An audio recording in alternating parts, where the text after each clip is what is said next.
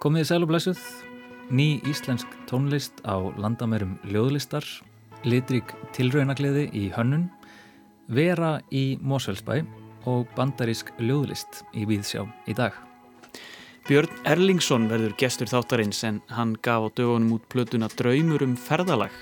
Við heyrum um íslenskan heimilis yðnað þar sem Björn spilar á öll hljóðfæri og mælir hveðskap sinn af munni fram.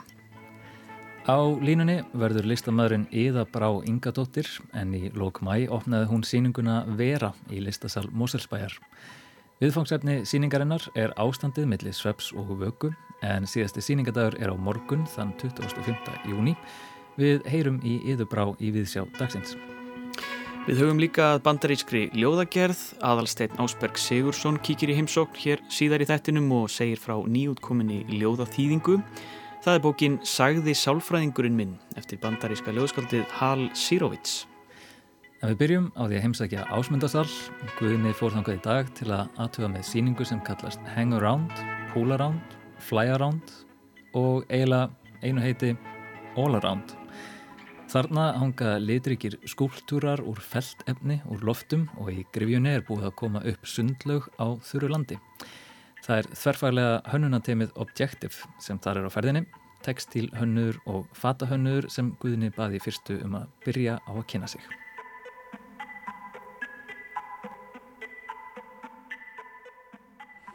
Já, ég heiti Helga Lára Haldurstóttir og ég er mentaður fatahönnur. Og ég heiti Jóna Berglind Stefansdóttir og ég er mentaður textilhönnur.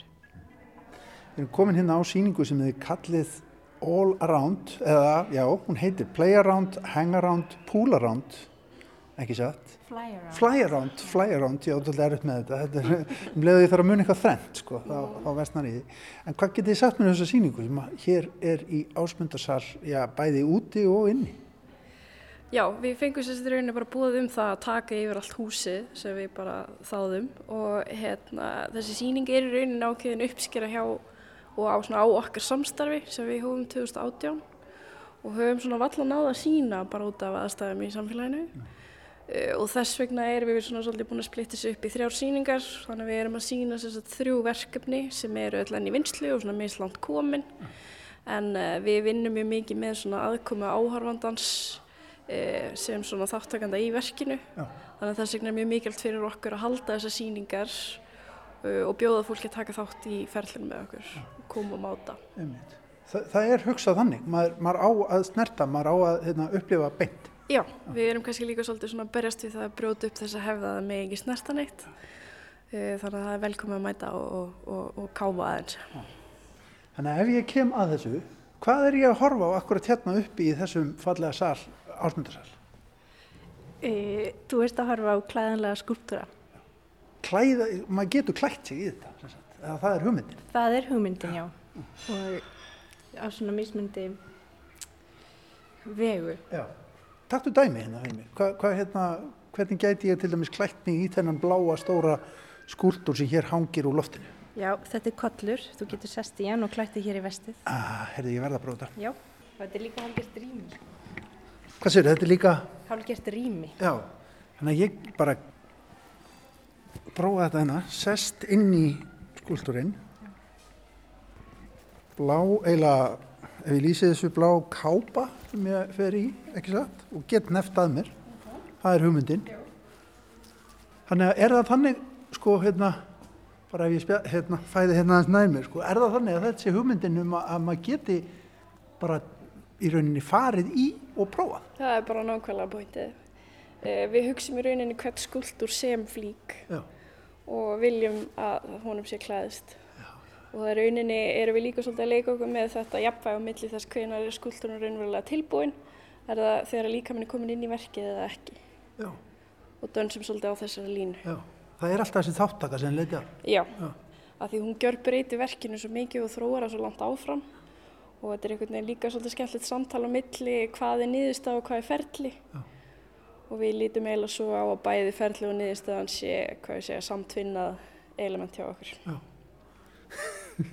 ég segi ekki að þetta kannski farið mér vel, en, en, en hérna, skemmtilegt er það og hér er þetta, þetta er líka svo litríkt hjá okkur. Er það eitthvað svona sem er yfirlýst markmið hjá okkur að hafa þetta svona í öllum regnbóðans litur? Já, við heilum svolítið af frumlitunum. Já.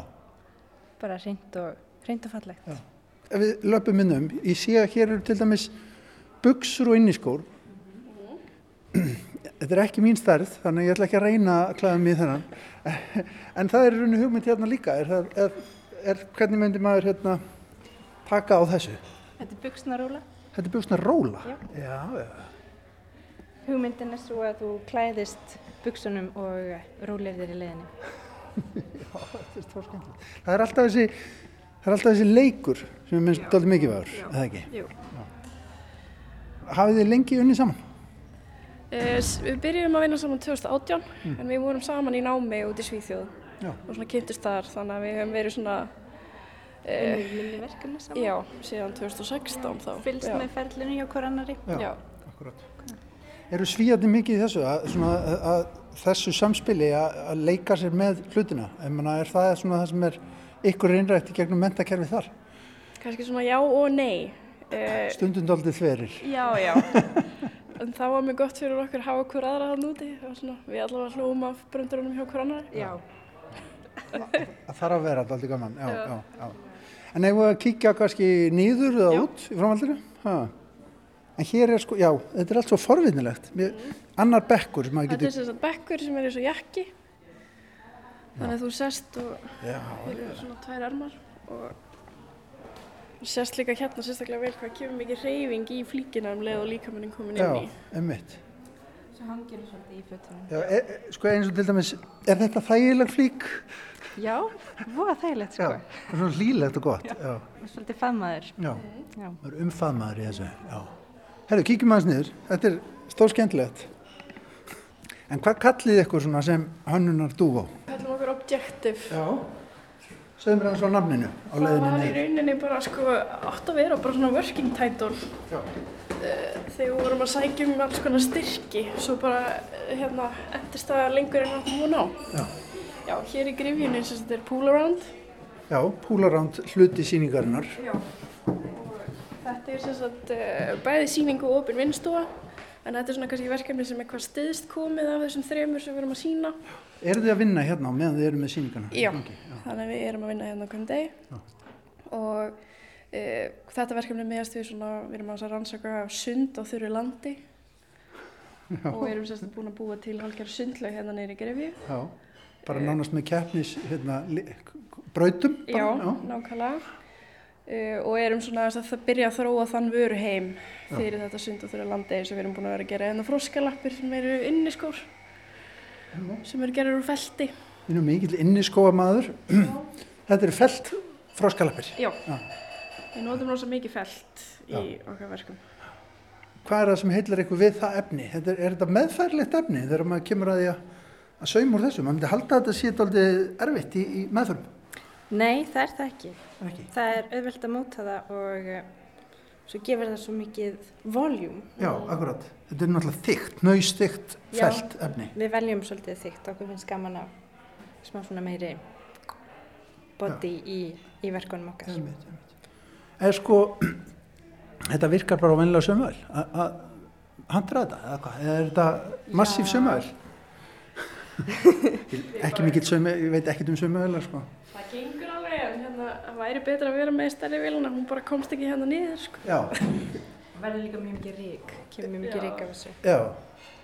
Einmitt, þetta er hérna, það myndi kannski halda, er þetta sund þetta hérna sem að er í, Já, við erum að vinna, sérst, við erum að klára núna að gera sérst, sundbóli sem eru sundbretti sem gera að klifta rúla á gólfinu þannig að þú getur sund á þurru Já, landi og þessi sund þetta verður sérst hjálmur til þess að stuðla öllu öryggi þú hefur ekki vatnið.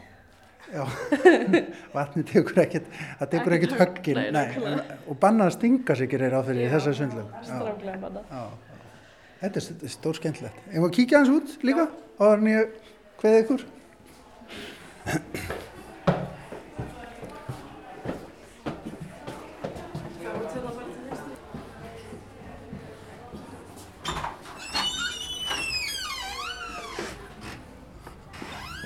Hér er náttúrulega verið að vinna að skúldur, veit maður, hann er alltaf með, með hérna, Já, sína einmitt. skúltúrgerð hér í gardinum.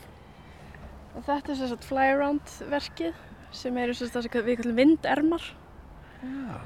og einblásturinn af því er kannski svolítið bara þessi hefðbundi vindfánar eins og á flugvöldi. Já, og maður má stinga hendinni inn í, inn í vindermina.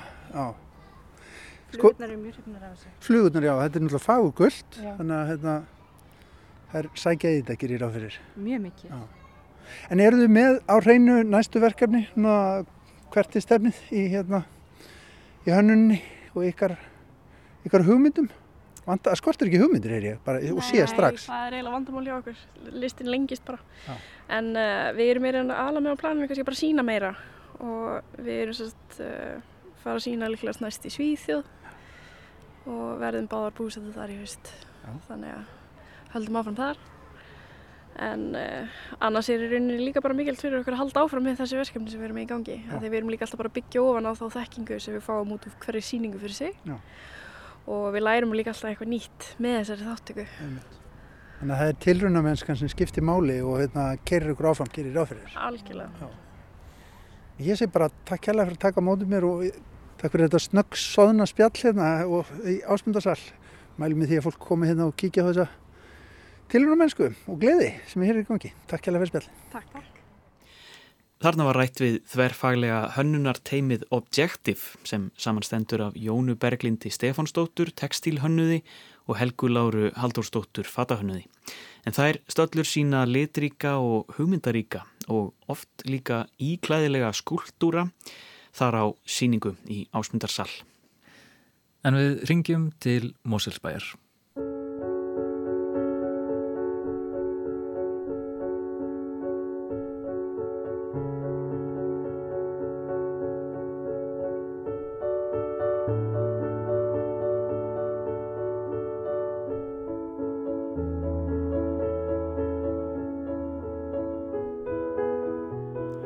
Línunni hjá mér er Íða Brá Ingadóttir en uh, hún opnaði síninguna Vera í listasal Moselsbæjar fyrir um mánuði síðan.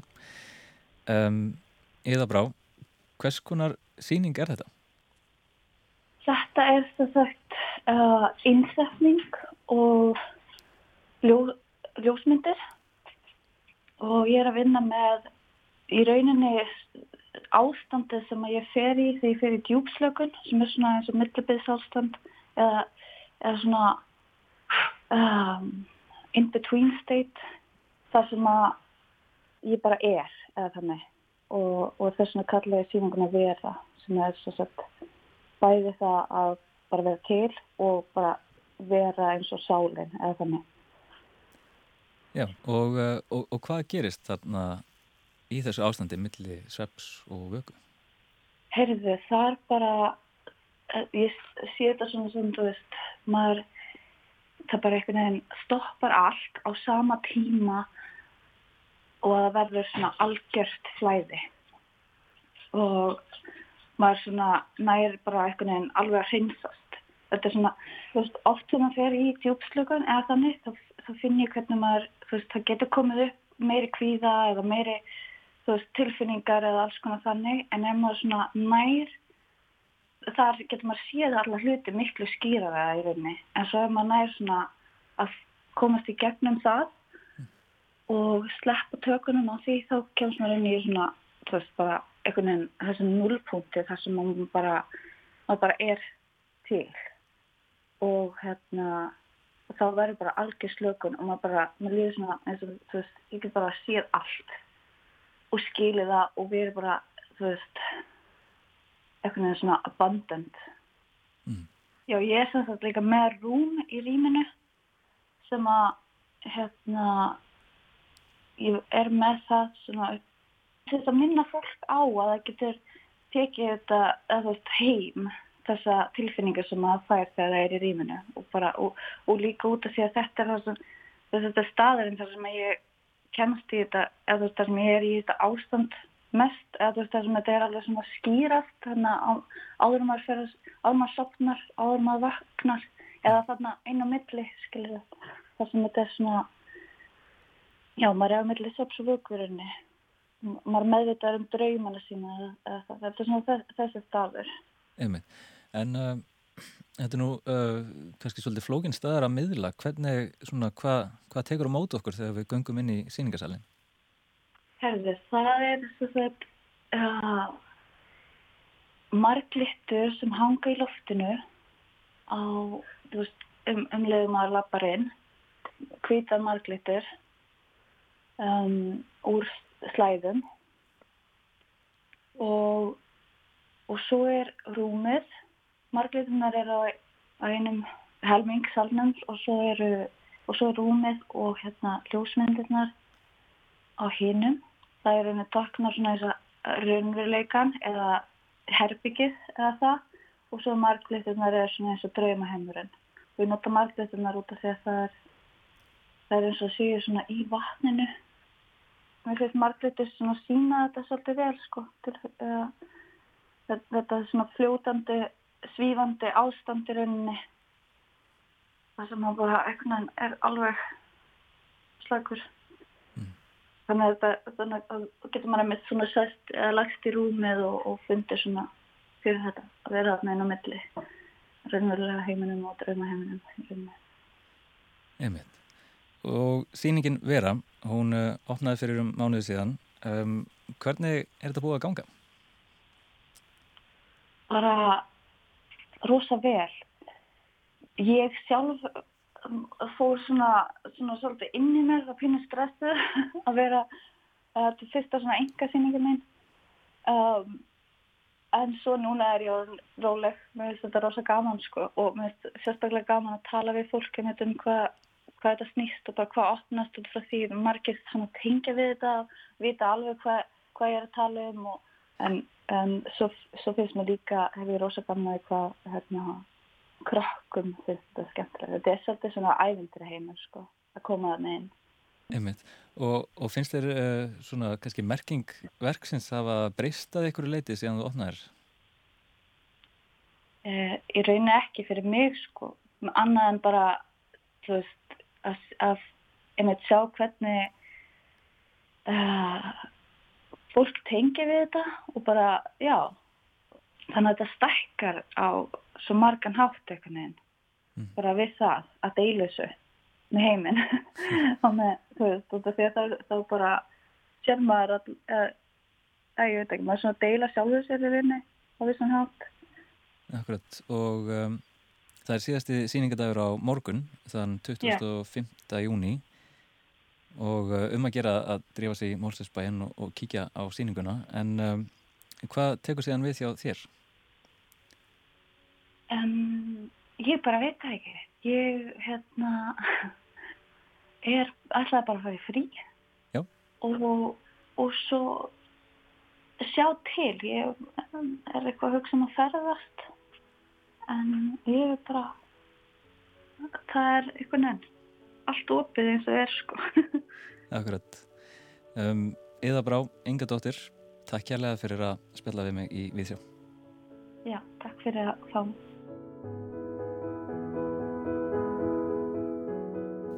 Sagði Íða Brá Ingadóttir um síninguna Veru í leistasal Moselsbæjar. En viðfóngsefni síningarinnar er millibils ástandið millir sveps og vögum. Í dag og á morgun eru síðustu dagar þessara síningar og því um að gera að taka strætó eða rútu í Moselsbæjan og upplifa Veru. Tónlistin sem hér hljómar undir er í búið Max Richters og nefnist Vladimirs Blues. En þá að nýri íslenskri tónlist, nýjum íslenskum heimilis yðnaði í tónlistarformi.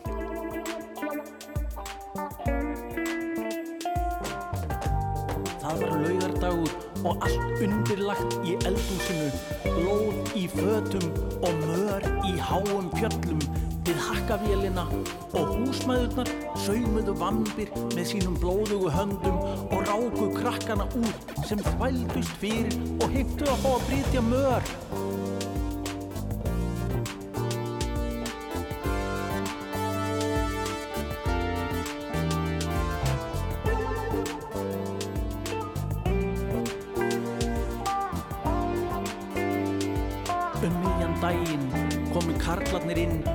Og báðum kaffi og kveiktu á útarsfréttunum og húsmaðurnar báðu þá undir eins að setja á sig svundurnar en þá var eftir að skipta um kveikjulokk í bílnum eða pumpa í varadekkið og karlarnir hurfu út frá hálfum bollum.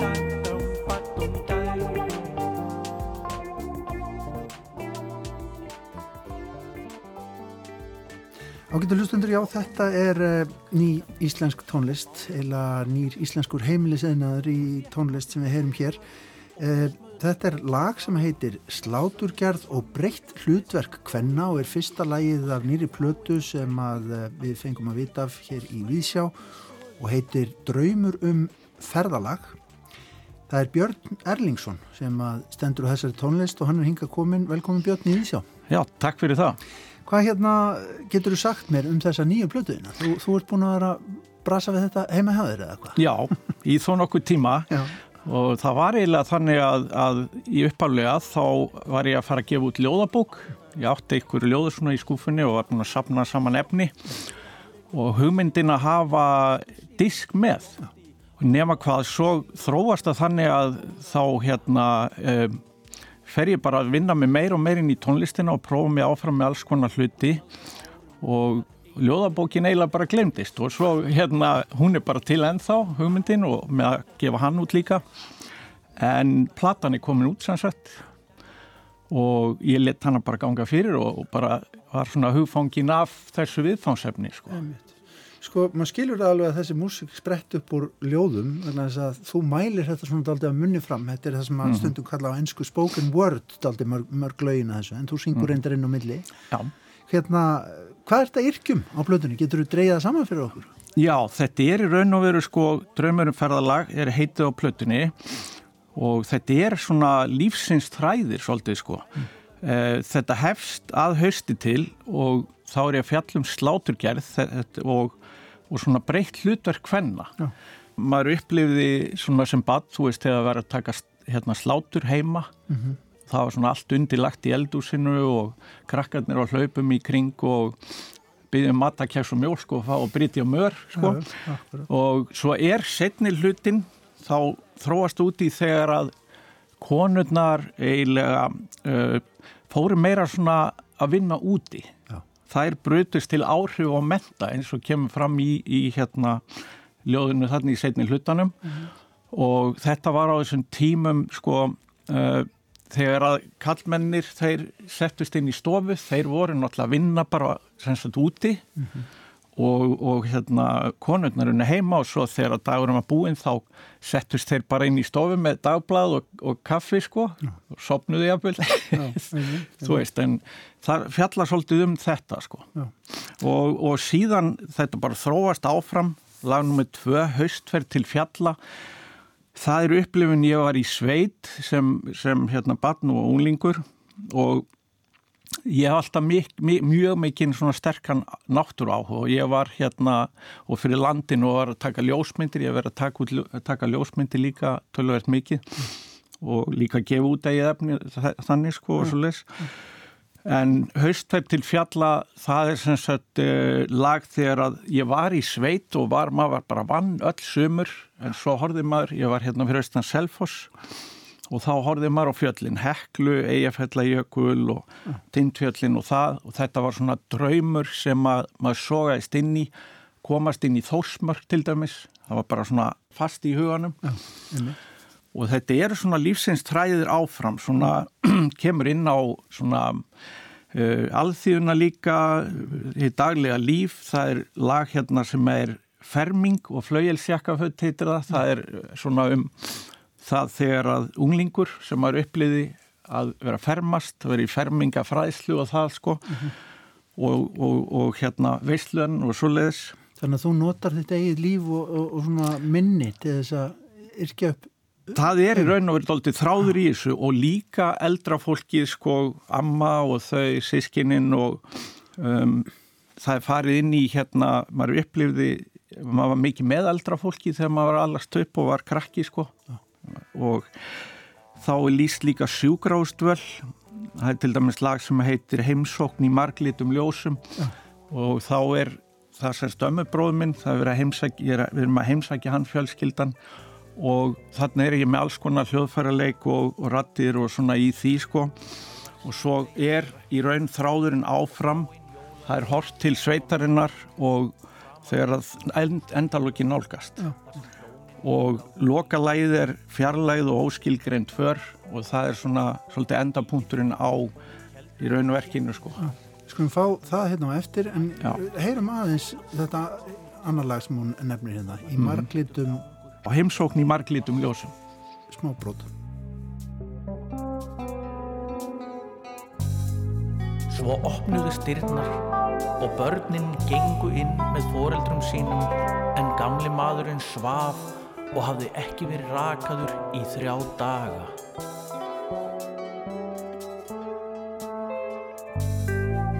Blómin stóð í vasanum og konfektkassin opinn. Tjöldin dregin fyrir þar sem kona lá og hafði fengið hálfa ættina í heimsókn sem hvíslaði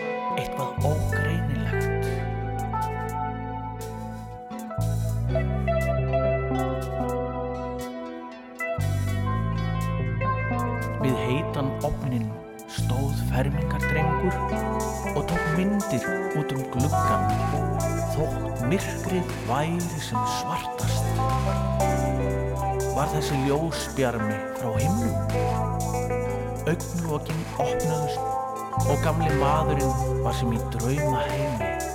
Þótt börnin væri með galsa og suðum líkt og húsflugur kringum konfektkassan meðan fadirinn borðaði saltfisk sem gamli maðurinn vildi ekki snerta á. Svona, þú þarft næringuna, góði minn, sagði hann við mannin sem sporðrendi hverjum fiskbítanum eftir annan enda nýkomin úr vinnu. Hefur þið enga konan. Sko Björn, hérna, hvað getur þú sagt mér um þinn tónlistar áhuga? Þú segir þú ert búin að, að baksa við bókaútgáfu og, og taka ljósmyndir og varst, varst að Mm. bókbinda veit ég á sín tíma og, og, hérna, og, og útbúa gestabækur fyrir fólk, þannig að það er allan að bókaormur í þér, heyr ég. Jú, jú, En tónlistarormurinn, hvernig beitt hann þig? Já, sko, ég byrjaði nefnilega e, í raun sko mjög snemma bara þegar að, eins og ég listi með áhuga með náttúrinni að þá fór ég snemma að taka ljósmyndir og það fór að tengjast svolítið, þú veist, því sem ég var að gera. Læriði bókband svona, þú veist um, þegar ég var ungur, sko. Og hérna, það nýttist við þess að útgáfu. Og hérna ég til dæmis hef gefið út þarna tvæ ljósmyndabækur sem að þá var ég að nýta þetta efni sko sem ég hef tekið. En tónlistar áhinn nefnilega kviknaði líka mjög snemma. Ég var svona 14 ára gammal og þá fór ég að byrja að spila á bassa og það var þannig við vorum eitthvað þrýr svona skóla fyrir að langa að stopna hljónsett en kunnum ekki neitt. Og hérna ég ætlaði í raun og vera að, spila á trommur. Þú veist að faði mig var trommari Já. og átti trommursett og ég sagði, heyri það er heimatökin, ég tek trommunar eitt var búin að kaupa gítar. Svo var, var náttúrulega ætlaði hinn að fara að spila á, á bassa. Nema hvað, svo kem ég að heimsækja við hittumst þarna þrýr þá var bara einn er að búin að kaupa trommusett. Einn átti hérna, hérna ramaskítar sem hann var aðeins byrjar að guttla á og hérna og, og þá var komin trommari og þá var ég bara dæmdu með bassan sko. og hérna ég sé ekki eftir því því að bassin hefur nú verið sagt, hljóðfæri sem hefur fyllt mér og, og til dæmis á plötunni að þá eh, er ég að nota þrjár tegundir, það er rafbassi og er með kontrabassa og svo fór ég að spila hérna ramaskítara líka, hljómborð, ásláttur, söngur, rattir, upplestur. Það var, ég tók allan pakkan, þetta er eiginlega, má segja, ég tók bóndan á plötuna. Já. Það er bara gangi í hvert verk, sko. Já, já. Ég bara fór að vinna mig smá saman inn í þetta og uh, þetta er nú oft bara með þetta snýst þetta mest um tilfinninguna og hvað er næmnina, hvað er í gangi, sko. Og svo er þetta bara se- sett saman í tölvu og, gengið frá. Já, Það er já. að lítið mál ef maður kann á hljóðfæri. Já, þú veist, ég er ekki svona tækni sérfræðingur, sko, ég teka fram þannig maður að ég spilaði þetta rosalega bara miklu leiti bara allt inn, sko, Já. þú veist, þannig. Þetta eru flóknar upptökur, ég er með alls konar rattir og hvað einna, sko. Þetta er allt spilaðir, hver einasti gítarar og, og hérna, þessi bassar og mm. rattirnar og hvað einna og, og þetta er gert svona á heimaslóðum, sko. En þetta með, hvernig þú uh, svona mælir fram uh, hérna, svona, hvað hefur þú fyrir þér í tíu? Áttu þér einhverja fyrirmyndir þegar kemur að því að hvernig þú berð fram hvaðskapin? Já, altså í þessari tónlist. Uh, nei, í raun og veru þá eru sko, það, ég hef ekki neina sérstaklega fyrirmyndir þó maður hafi hlusta á alls konar tónlist sko. Mm -hmm. Í þessu dæmi, það bara einhvern veginn fór ég að vinna mig inn í þetta og, og það bara þetta gerðist einhvern veginn svona. Já. En ég náttúrulega, maður var að hlusta á alls konar músík bara frá að maður var ungur sko, svona byrjaði snemma að hlusta á Genesis og svo leiðis sko, svona svolítið flokna tónlist og Pink Floyd og þetta sko og ég meðal annars þegar ég var sem hljóðfærarleikari þá, þá var ég nú að spila Genesis líka sko hérna fyrir nokkrum árum 2014-15 þá voru við til dæmis með tónleika þar sem við fluttum tónlist Genesis í salnum tviðsvarsinnum var með hópið af fólki þar sko en, en ég hef svona meira núna verið að sogast í hérna frumsamið, þú veist, verið að búa til hluti sem að mér sem að svona tóða nú mest í mann sko. og, hefur, og þetta aukar lífið Já, við, sannarlega sko. Eh, það gerir það mjög sko en það er, ég hef reynda verið mjög mikið einn í þessu sko, mm. maður er mjög einhvern veginn bara þróast þannig sko mm. það er ekki það, maður hefur alveg haft eh, og, og, og þekkir mjög gott fólk sem maður getur inni með og mm. það er ekki málið sko en bara einhvern veginn það er ákveði líka góð tilfinning finnst mér að vinna hluti einn mm -hmm. þó að, að sko innverðan geti líka verið svolítið, þú veist hún getur verið svolítið trúandu átakanlega líka sko. Er þetta COVID-plata? í einum grunni? Já, sko í raun og veru að þá gerðist svolítið kraftaverkið í COVID sko að ég var að vinna hana svolítið massíft í, í COVID sko. það má segja að hafi hérna hjálpað til Já í þessu öllu saman að, að koma þessu endapunktin sko. Og svo er þetta, passar þetta ágætlega við það þegar við erum að fara af stað núna í, í að huga ferðalögum, draumur um ferðalag. Já, já, akkurat. Mm. En við ætlum að fá lokalægið af blöðunni, Björn Ellingsson, hvað heitir það? Fjár... Já, fjarlægð og óskilgreynd för. Já, við lefum hlustundum að hera það, en já. bestu þakki fyrir komuna í Vísjá. Já, takk kærlega. Takk kærlega fyrir það. Hort til himins og undrast hver árin hafa liðið eitt af öðru eitt af öðru og allt svo undarlega burt flóið og engin veit hvort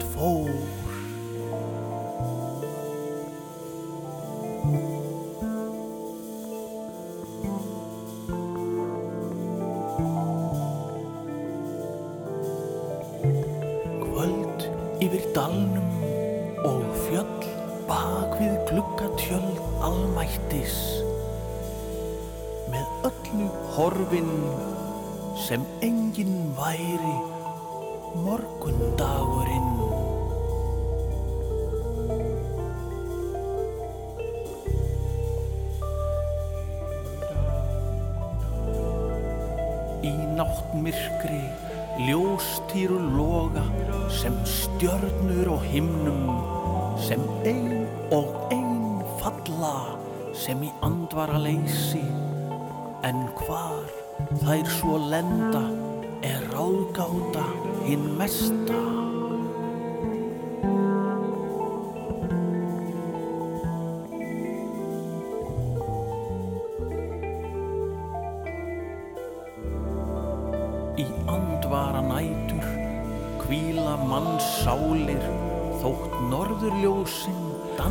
Af gleði í sínu græna og fjólubláa skarti og enginn þá utan dýra nema fugglin fljúandi með sín eilirðar esku ár og heims álfurnar smáar og mannfólkið umkomilöst í allsnægtum óhamingunar.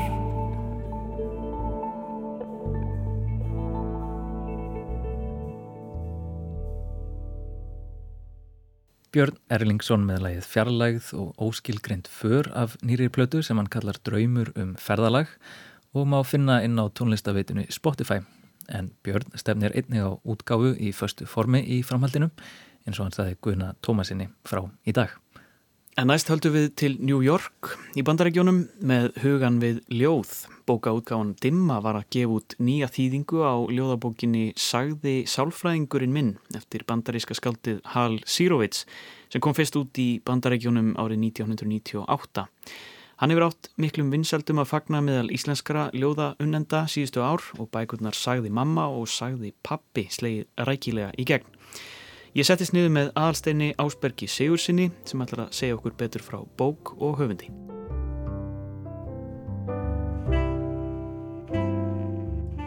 Vertu velkomin aðalstein. Takk fyrir. Það er Hal Sírovits, sagði sálfræðingur minn. Um, það er um 15 ár síðan að sagði mamma kom út og, og, og uh, svo sagði pappi. Þetta eru Þetta eru vinsalar bækur. Hvað er það sem dregur þið alltaf að þessum Sírovits? Já, sko, það, það er eiginlega saga að segja frá því og það er mér að segja að það er 20 ár síðan að sagði mamma kom fyrst út og, og það er svo einkennileg saga eins og með bækur vegna þess að, að ég kynntist bókinni sagði mamma í bókabúði í Oslo. Þar sá ég sem sagt norska þýðingu af henni, greip þessa bók út úr hillu vissi ekkert um uh, Hal Sírovits og þessi bók og ég fór með henni heim og ákvað strax að, hérna, að mér langaði til að gefa henni út á íslensku mm -hmm. og þannig byrjaði þetta Já. svo var það þannig ég þurfti eiginlega að ná sambandi við hann sjálfana því að hérna, ég, ég vildi fá smá hérna, fá smá samráð um það hvernig bókin ætti að vera og ég náði lóksins í gegn þannig að, að, að þannig kom það til að, að önnur bókin kom út sem að hefði átt að vera sagði sálfræðingurinn minn en þá var hann nýbúin að gefa út, sagði pappi. Þannig að það lág einhvern veginn bytna við að taka hana í framhaldi af mömmunni. Einmitt. Og svo kom hann hingað og var, honum var búið hingað og, og hann kom hingað á badnabókmetaháttíð mm. og þá sem svona unglinga höfundurinn svona, og, og það virkaði mjög vel. Já, einmitt. Og, og það var það sem ég hugsaði þegar ég kynntist ljóðunum að að þetta er svo skemmtileg ljóð fyrir uh, ungt fólk og foreldra ungs fólks. Það er einhvern veginn, það var svona samtali sem mér fannst vera þarna í þessum bókumars. Mm -hmm. Það er einmitt svona þessi svona tengsl og, og, og mannlegu samskiptin sem eru svo, svona ofalega á, á bauði hjá honum. Já. En hver, segðu okkur hans frá þessum manni, hver er Hal Sírovits? Já, Hal Sírovits, hann er, er bandaríkjamaður, uh, fættur og uppalinn í New York og er geðingur. Mm og hann fór að skrifa bara svona frekar snemma. Ken, hann er mentaður kennari hann kendi í grunnskólu er sérkennari og svo fór hann að skrifa og byrta eh, ljóð. Og þá var hann eh, orðin nokkuð stálpar, hann var á færtusaldri þegar það fór að byrta sljóð eftir hann. Og svo fór hann að svona sækja hérna samkomur það sem var sko ljóðaslam. Já og þar e- einhvern veginn hérna, kemur hann sterkur inn mm -hmm. og það verður til þess að, svona, að, hérna, að það menn fara að taka eftir honum Já. en hann, útgáfu hans saga hans er, er, er líka sérkennileg vegna þess að fyrsta bókina, hún kom frekar seint út sko og sagði mamma var eiginlega svona fyrsta uh, bókina sem hefði gefið út einhverja svona litla bæklinga eiginlega áður mm -hmm. og hérna þannig að hann var byrjað ekkert snemma En það er svolítið síðan að það kom út uh, íslensk þýðing uh, og þær eru tvær bækurnar uh, hva, hérna, af hverju ert að koma hérna koma inn á öllin aftur með, með Sírovits? Ég, sko, ég er ekkert alveg viss en, en það var bara einhvern tíman í, fyrir svona tæpa ári síðan þá fór ég að hugsa svo um, mikið um það að hérna að hérna, lang, ég var ekki alveg búin með það sem ég ætlaði að gera mm. og á sínum tíma þá hafði ég bara svona pröfu þýtt fyrir sjálfan mig ljóð úr þessari bók, sagði sjálfræðingurinn minn mm. því ég var bara svona að þreyfa á, á þessu og, og svo hafði ég líka tekið og þýtt ljóð úr, úr fjórðu bókinni og kannski kemur hún aldrei út en, en ég veit ekkert hvað verður sko, Nei. þannig að þetta er svona, ég á bara svona hérna ímislegt í fórum mínum mm -hmm. og nú var allt í nú bara komið að því að, að allt í nú segði já, er ekki, er ekki bara þarf ekki þessi bók að koma núna mm -hmm. vegna þess að fyrir sko, fyrir 20 árum þá voru sára fáir Íslandingar eh, hérna hjá sálfræðingi Núna finnst mér allir vera hjá sálfræðingi. Einmitt. Þetta hefur breyst og er þetta kannski bara sagan um það að við erum hérna svolítið á eftir sko pandaríkjamönnum til dæmis. Já, einmitt. Ekki nógu dugliði að þetta... Fara að tala við ykkur. Nei, þannig að þetta svona, ka- kannski var þetta bara, það kannski ítti mig líka þess af stað með þessa bók. Já, einmitt. En það má líka alveg nefna það í, í sömu andra og ert að gefa út, endur útgefa sagði mamma. Já, af því að mér fannst að hún þyrfti að vera til aftur sko og hún er nú kom út í þriðasinn þannig að hérna, þetta er sannilega svona með vinsælli þýttum ljóðabókum myndi ætla. Hvað er það svona sem að gera hann svona vinsæla? Ég held að það sé þessi, það, þetta er mjög sérstakur tótt sem hann hefur og, hérna, og, og þetta er í rauninu, ég, það er eiginlega hægt að lýsa þessum, þessum ljóðum, þetta eru svona uppistandstekstar og það er mjög gaman að lesa úr þeim og, og, og það var það sem einhvern veginn svona, það, það, það skýrir það að, að þegar hann var að flytja efni sitt að þá einhvern veginn náði það fyrst flugi.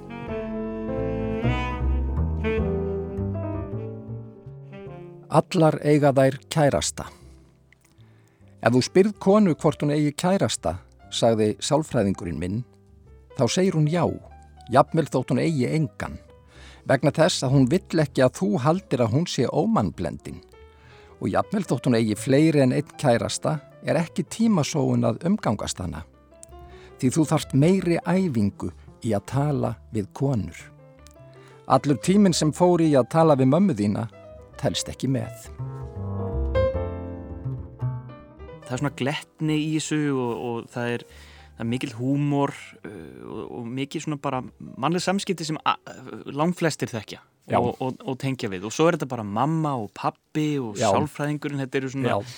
einhverju sem uh, þú átt þín innilegustu uh, samtöl við Já. uh, um hvað eru þessi ljóð?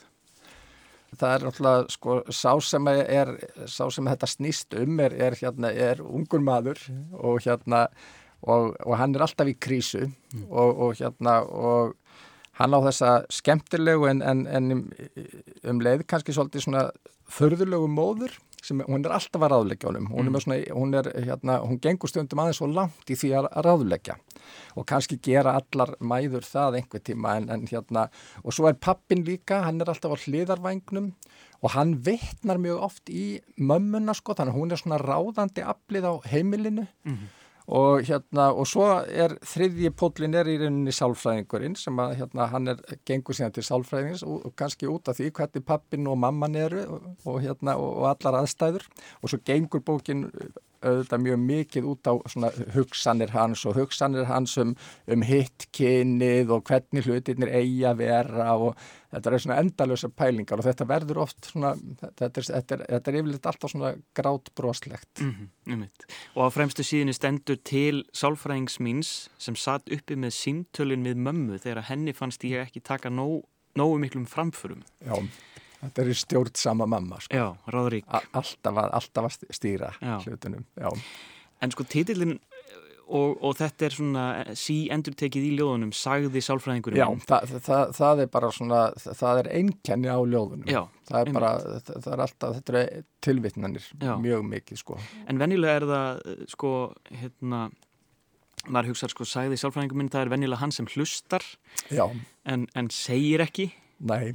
Þannig að hann er, hann er mælandi þarna. Hann, já, já, já, já. Það er verið að vitna í hann. Já, já, og, vitna, og það er kannski líka þetta að, og það er skemmtilegt vegna þess að svo kemur náttúrulega mamma mikið við sögu, það er alltaf verið að vitna í hana og, og í samtölunum er, er, er hún svona líka, hún, hún er sína og læg og það er kannski líka til þess að tala þá um bókina sem við erum ekki með fyrir fram á okkur sagði pappi sko, það er mamman alltaf líka ná, nálæg og, og pappin að tala um mömmuna þannig að þetta er svona, þau, þau, þau er átna einhvern veginn alltaf fjörskildan Já. Er þetta tímalust? Er þetta, sko, finnum maður fyrir einhverju svona, einhverju tíðaranda eða? Ég velti því svolítið fyrir mig núna sko af því að það eru það eru 20, rúmlega 20 ár síðan að þessar bækur komu út. Uh, og ég, velti það eins fyrir mér þú veist, hafa þær eitthvað elst eða úrelst? Og svo hérna svo bar ég þetta nú undir hérna rúmlega 20 son minn og, og hérna og honum fannst það ekki. Þannig að þá segir nei, þá er þetta bara, hérna, þá er þetta bara þannig efni, það Já. bre- breytist ekkert sko, því að maður hefur alltaf svona, maður hefur vissar áhyggjur af því að bara málfar aðeins breytist en, en uh, það, svo virðist ekki vera, þetta virðist vera svona frekar tímalust Já, en 20 ár er náttúrulega bara 20 ár. Já, akkurat. En þessi ljóð uh, eru frekar stutt og knöpp og það er eitthvað svona ein sena. Já, en þau fara ekkert mikið út fyrir það. Það er bara svona eitt, eitt og eitt svona málefni tekið fyrir í já, einu. já. Það, það, og, og það er líka stílinn hjá honum Hal hann hefur ekki orrt mikið af öðru svona ljóðum sem eru allt öðruvísi en, en þó er það til og, og það er ein bók eftir hann sem er þannig þannig að hún er svona allt öðruvísi. En, en annars er þetta stílinn hann er svona búin að koma sér upp þessu formi og, og þetta er svona stu- stundum er það í rauninni samtal en, en það, þau eru knöpp líka sko. Mm. svo eru náttúrulega á þessu bara talmáli Já, er bara, það er bara þannig, veginn, þau gæti alveg eins verið sko klift út úr einhverju stærra úr öðru samhengi. Já, það er enga svona einhverja djúpar, torræðar myndhverfingar og... Nei, ekki Nei, þannig. Nei. Nei, þau eru lau- laus við það.